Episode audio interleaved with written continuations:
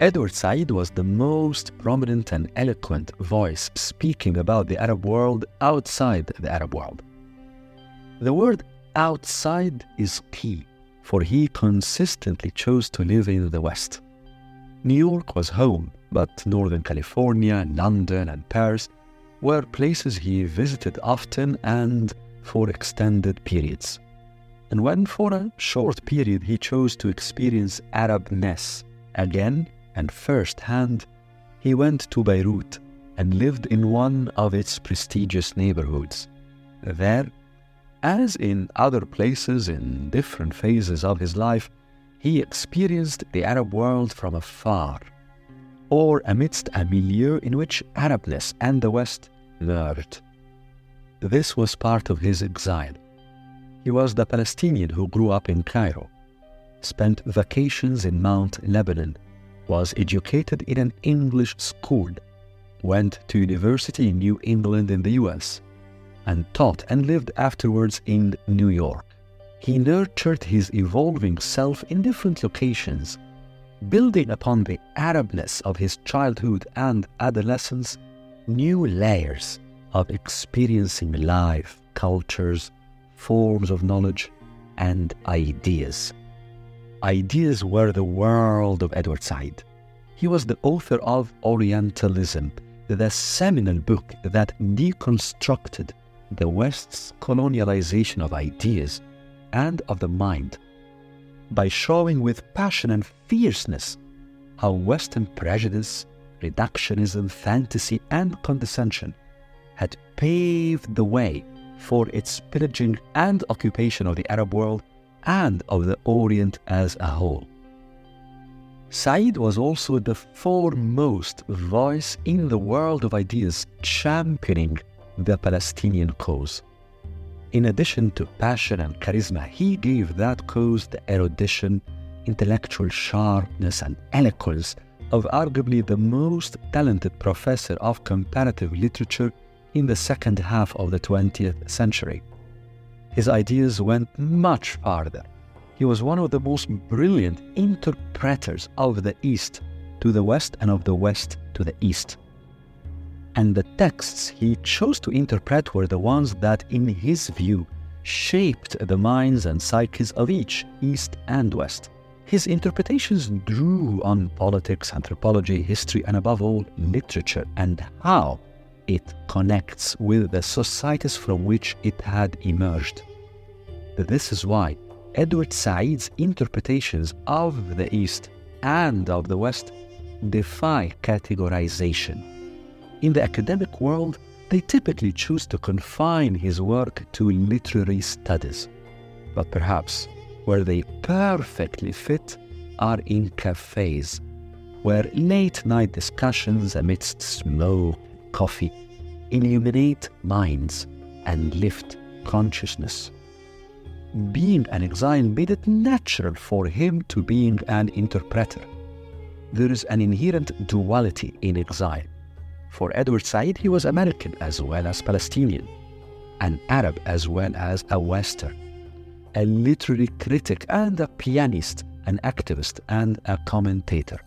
For many, it can be confusing, but not for Edward Said, his intellectual coherence, even when jumping often in the same essay from one role to its opposite, was always intact.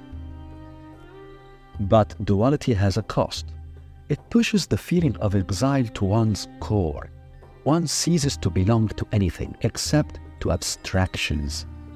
Perhaps this is why he called the autobiography of his childhood and adolescence out of place, and why in it he said that he thinks of himself, or rather his self, for the self ought to have its independence, its own space on paper as much as in the minds he thinks of himself as currents. He did not elaborate, but I like to think that these currents that often clashed into each other's came towards the end of his life to settle into a calm sea. Internal harmony might necessitate ignoring certain questions, looking briefly rather than gazing on certain places in one's own psyche. This is what Edward Said did with Arabness. The destructor of the Orientalist ways of seeing the East did not really, in his published work, look deeply into that East himself. Perhaps this is why Edward Said is the hero of many politically engaged young Arabs. But the young Arabs give way to a middle aged mind the young Arab, he or she, investigates Edward Said about what lies beneath the defenses of the Arab world or of the Orient and finds different roads, all of which Said had trekked on but did not complete. I think it was not his mission to draw a detailed picture of Arabness. After all, he was the exile, the one out of place, his choice was always to interpret, but not to write the decisive text. Integrity also dictated that he refrains from drawing that detailed picture.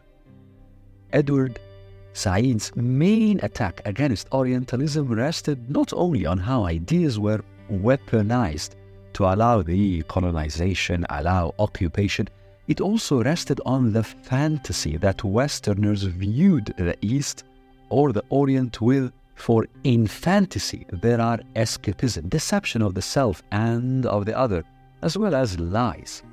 And he, a man of real integrity, a man who strove after truth, knew that his land, his places, had descended a lot since the days he had known them.